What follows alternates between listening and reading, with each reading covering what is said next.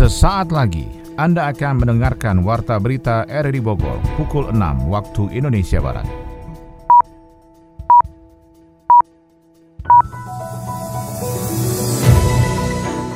Selamat pagi dan salam jumpa. Kami kembali hadir dalam Warta Berita pagi ini, Kamis 21 Oktober 2021. Siaran ini juga dapat Anda dengarkan melalui audio streaming RRI Play pada perangkat Android Anda, serta pula dapat Anda dengarkan kembali melalui podcast kami di Spotify, Anchor, Hotel, dan Google Podcast. Warta Berita RRI Bogor ini juga turut disiarkan Radio Tegar Beriman Kabupaten Bogor. Berikut kami sampaikan berita utama.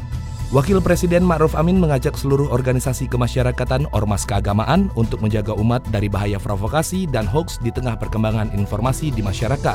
Tim PPA Kejaksaan Agung kembali melakukan verifikasi penyitaan aset milik terpidana korupsi Jiwasraya. Bersama saya Dwianto Humardani, inilah Warta Berita RRI Bogor selengkapnya.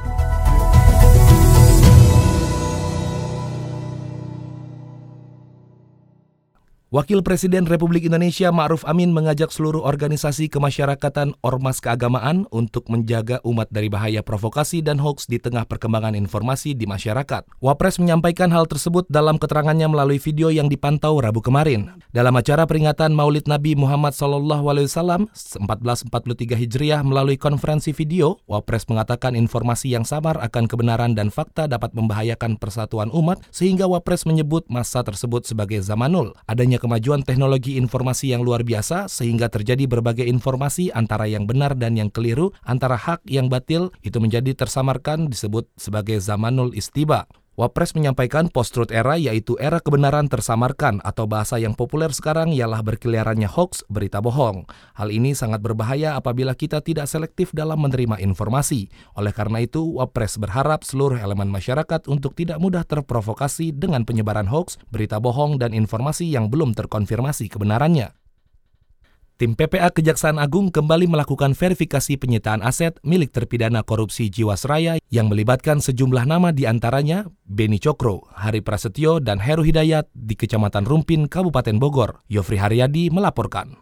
Tim PPA Kejaksaan Agung kembali melakukan verifikasi penyitaan aset milik terpidana korupsi Jiwasraya yang melibatkan sejumlah nama di antaranya Beni Cokro, Hari Prasetyo, dan Heru Hidayat di Kecamatan Rumpin, Kabupaten Bogor. Ada 74 bidang tanah di Kecamatan Rumpin Bogor dengan luas areal puluhan hektar yang menjadi sitaan negara setelah dimenangkan dalam proses sidang pengadilan. Seperti diungkapkan Aditya P. selaku Ketua Tim PPA Kejaksaan Agung RI di Desa Sukamulya, Kecamatan Rumpin, Bogor. Sebenarnya kami melakukan pendampingan terkait aset perkara Jiwasraya sudah mempersiapkan dilelang. Ada dua lokasi di Desa Mulia Sari sama Mekarsari itu sama. Di Desa Sukamulya ada 74 bidang, belum lagi di Desa Mekarsari, Kecamatan Rumpin Bogor yang tidak kalah banyak dan luas lahannya. Lahan tersebut diperoleh dari kasus korupsi asuransi PT Jiwasraya dan pencucian uang Asabri di dalamnya, yang asetnya tersebut akan dilelang oleh negara. Kebenaran aset tanah sebanyak 74 bidang yang telah diverifikasi itu pun dibenarkan. Kepala Dusun Desa Sukamulya Rumpin Bogor, Islanudin. Yaitu pendampingan untuk pengecekan lokasi Jiwasraya ya yang didampingi beberapa itu dari kejaksaan dari BPN. Luas bidang sebagaimana data yang sudah kami terima untuk hasil verifikasi oleh dari BPN itu ada 74 bidang. Luasnya kurang lebih ya cukup luas juga sih. Sekitar ya 10 hektar lebih lah.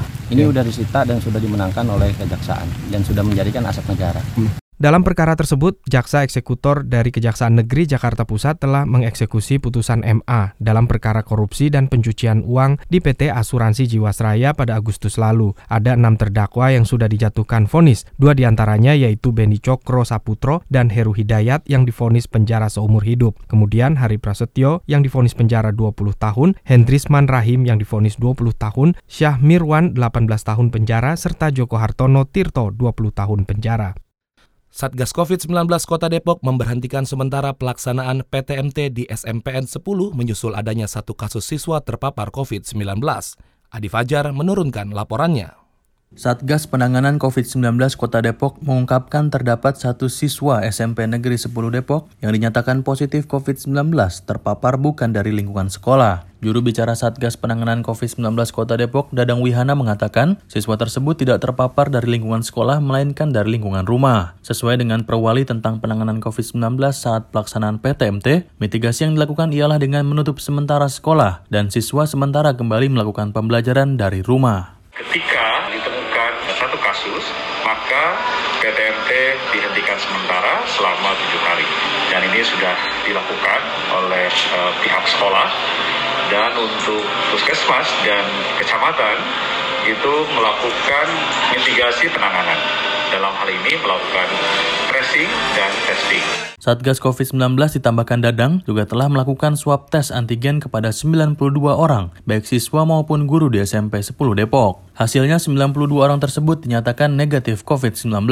Selain itu, pemerintah kota Depok juga melaksanakan tes swab antigen secara acak ke sekolah-sekolah dengan target sebanyak 1.073 orang, sementara pada selasa lalu sudah ada 11 sekolah di wilayah kota Depok yang dilakukan swab antigen dan sebanyak 350 orang dinyatakan hasilnya negatif COVID-19.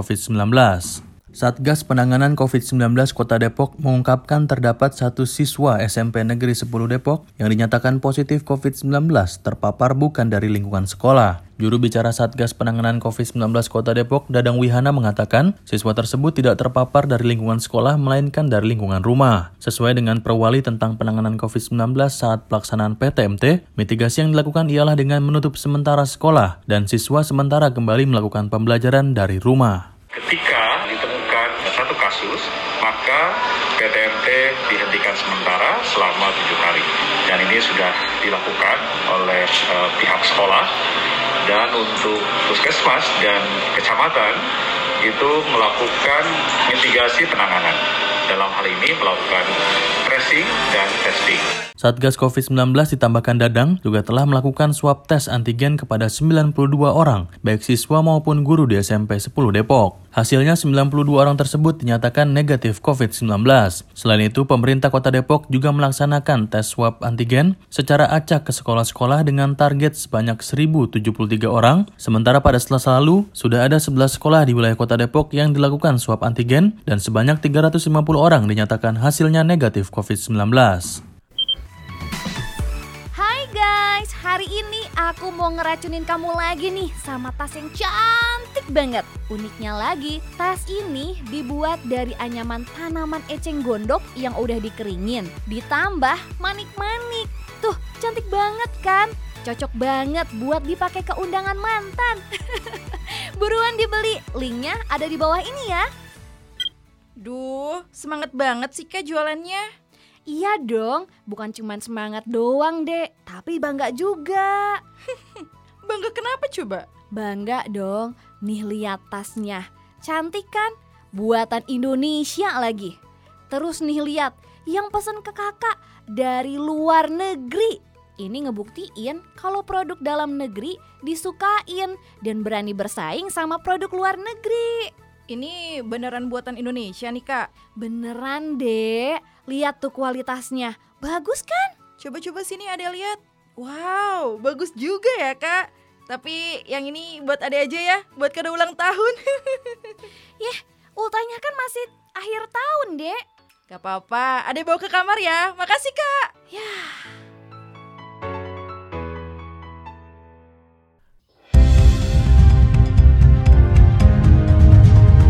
Anda masih mendengarkan Warta Berita RRI Bogor.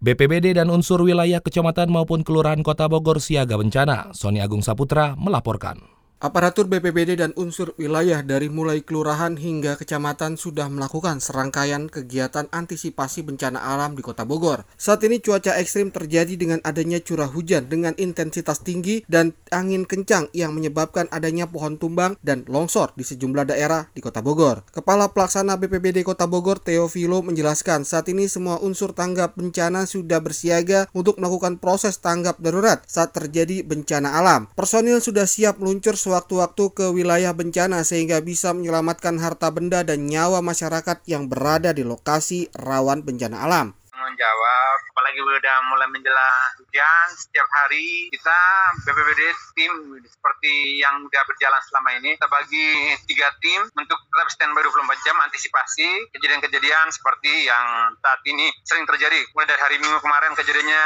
Bogor Barat kemarin hari Selasa kemarin kejadiannya banyaknya tanah areal jadi masyarakat harus waspada terutama jam-jam yang pas lagi menjelang hujan besar dan segala macam harus waspada untuk antisipasi di bantaran-bantaran kali yang daerah-daerah rawan banjir ataupun yang rawan longsor sehingga harapan kita agar mengurangi risiko bencana. Koordinasi dengan pihak kelurahan dan kecamatan juga berlangsung agar mereka juga bisa melakukan lapor cepat jika terjadi bencana alam termasuk melakukan penanganan tanggap darurat dengan berkoordinasi BPBD hingga evakuasi dapat segera berlangsung. Camat Bogor Selatan Hidayatullah mengungkapkan masyarakat juga harus disiapkan untuk siap menghadapi bencana alam terutama di wilayah langganan longsor dan banjir lintasan di wilayahnya. Aparatur RT RW juga sudah siap melakukan proses tanggap darurat terutama menyelamatkan masyarakat dengan mengenali potensi bencana alam sehingga bisa melakukan antisipasi sejak dini. Kondisi mudik tahun 2021 memang cuaca tidak mendukung ya. Pastinya kami juga mengimbau kepada seluruh warga Selatan pas pada saat kejadian kami sudah punya semua masing-masing wilayah maupun pengurus wilayah sudah punya kontak person petugas BPBD yang ada di kota. Termasuk juga banyak relawan-relawan kita juga termasuk dari Tagana, Sakti. Mereka juga sudah berkoordinasi baik melalui pesawat, handphone dan sebagainya. Sehingga pada saat kejadian langsung hari itu juga sudah kita lakukan upaya asesmen, tanggap darurat, upaya-upaya lain dalam rangka menanggulangi dan meminimalisir dampak-dampak penyerta pasca kejadian. Masyarakat juga harus tetap tenang dalam menghadapi cuaca ekstrim ini dengan hidup berdampingan dengan alam sehingga siap untuk selamat dari terjangan bencana alam. Kita beralih ke berita ekonomi. Ketua Otoritas Jasa Keuangan OJK Wimbo Santoso meminta kepada fintech peer-to-peer lending atau pinjaman online yang terdaftar di regulator untuk memberikan bunga yang rendah. Berikut Adi Fajar melaporkan. Ketua Otoritas Jasa Keuangan OJK Wimbo Santoso meminta kepada fintech peer-to-peer lending atau pinjaman online yang terdaftar di regulator untuk memberikan bunga yang rendah. Ia menyebutkan dengan bunga yang rendah ini bisa membantu masyarakat. Wimbo juga meminta kepada pinjol yang sudah legal ini harus menaati aturan yang disusun oleh OJK. Misalnya aturan terkait penagihan, ia mengharapkan tidak ada perusahaan pinjol legal yang melanggar etika tersebut. Selanjutnya, pinjol legal ini juga diminta untuk terus meningkatkan pelayanan kepada masyarakat. Dikutip dari laman resmi ojk.go.id, disebutkan saat ini terdapat 116 penyelenggara fintech lending yang sudah terdaftar dan berizin di OJK. OJK juga meminta masyarakat untuk selalu waspada terhadap pinjol ilegal yang saat ini tengah marak terjadi dan menyasar banyak korban. Pandemi COVID-19 masih terjadi di dunia, namun sudah terlihat pemulihan ekonomi. Meskipun lebih rendah dibandingkan perkiraan sebelumnya, Gubernur Bank Indonesia, Peri Warjio mengungkapkan pertumbuhan ekonomi di Amerika Serikat, Cina, dan Jepang lebih rendah dari prediksi. Hal ini sejalan dengan kenaikan kasus varian Delta, serta gangguan rantai pasok dan energi global. Namun di sisi lain, Pemulihan ekonomi Eropa lebih tinggi sehingga menahan perlambatan ekonomi global. Kinerja sejumlah indikator dini seperti Purchasing Manager Index atau PMI, penjualan eceran dan keyakinan konsumen secara umum melambat pada September 2021. Bank Indonesia juga merevisi pertumbuhan ekonomi global 2021 menjadi 5,7 persen dari perkiraan sebelumnya sebesar 5,8 persen. Sementara ekonomi Indonesia, Peri juga menjelaskan pada kuartal 3 2021 ini, kinerja perekonomian diperkirakan terus membaik, didukung kinerja ekspor yang tetap tinggi serta aktivitas konsumsi dan investasi yang kembali meningkat sejalan pelonggaran pembatasan mobilitas. Dari sisi lapangan usaha, kinerja industri pengolahan, pertambangan, perdagangan, serta informasi dan komunikasi tumbuh tinggi. Secara spasial, pemulihan ekonomi terutama pada wilayah Jawa, Sumatera, dan Kalimantan ditopang kinerja ekspor. Perbaikan ekonomi berlanjut tercermin pada perkembangan indikator dini hingga Oktober 2021 seperti penjualan eceran, ekspektasi konsumen, PMI manufaktur, transaksi pembayaran melalui SKNBI dan RTGS serta ekspor. Pertumbuhan ekonomi Indonesia diperkirakan terus membaik hingga triwulan 4 sehingga keseluruhan 2021 tetap berada dalam kisaran proyeksi Bank Indonesia pada 3,5 hingga 4,3 persen.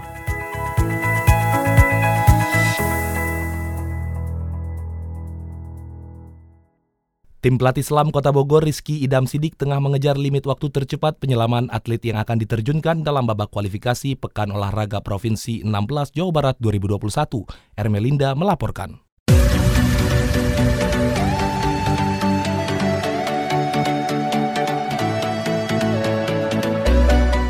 Pelatih selam Kota Bogor Rizky Idam Sidik tengah mengejar limit waktu tercepat penyelaman atlet yang akan diterjunkan dalam babak kualifikasi Pekan Olahraga Provinsi BK Porprov ke-14 Jawa Barat 2021 yang akan digelar di kolam renang Koni Pajajaran Kota Bandung pada tanggal 15 hingga 17 November 2021 mendatang. Ia menerangkan jika limit waktu sebagian atlet masih belum maksimal sehingga perlu penguatan latihan supaya limit waktu yang untuk bisa lolos ke Porprov 2022 terus dikejar dengan menggeber program latihan atlet di sisa waktu satu bulan ke depan sebelum BK Porprov 2021 digelar. Untuk posisi Kota Bogor, pelatihan sih dari bulan November tahun kemarin ya 2020 itu kita sudah mulai intens latihan fisik dan air yang benar-benar istilahnya trying banget lah pokoknya. Lebih dari biasanya. Dan programnya pun berbeda. Di bulan Februari kita udah mulai pemusatan latihan fisik. Untuk limit waktu Jawa Barat sendiri di nomor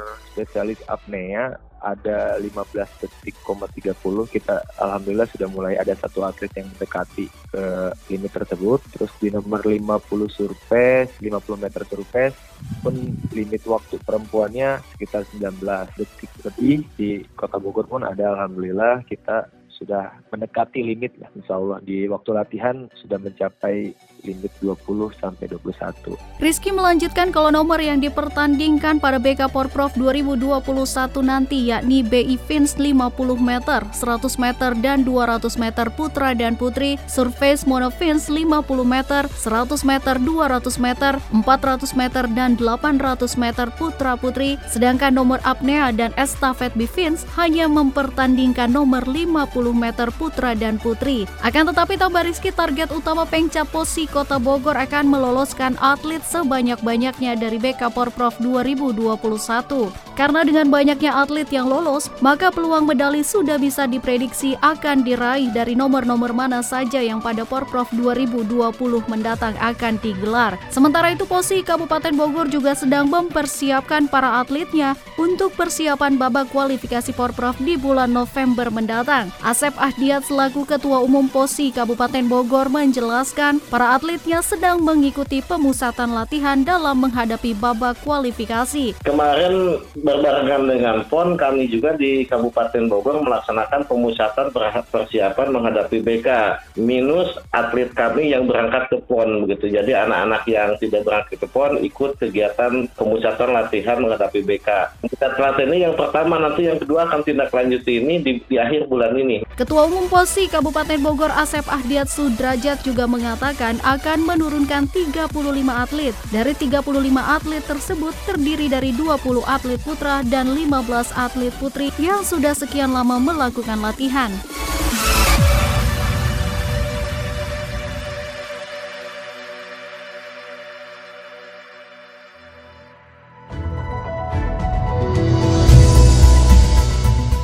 Demikian informasi yang dapat kami sampaikan dan berikut kembali kami sampaikan berita utama hari ini. Wakil Presiden Ma'ruf Amin mengajak seluruh organisasi kemasyarakatan ormas keagamaan untuk menjaga umat dari bahaya provokasi dan hoaks di tengah perkembangan informasi di masyarakat. Tim PPA Kejaksaan Agung kembali melakukan verifikasi penyitaan aset milik terpidana korupsi Jiwasraya.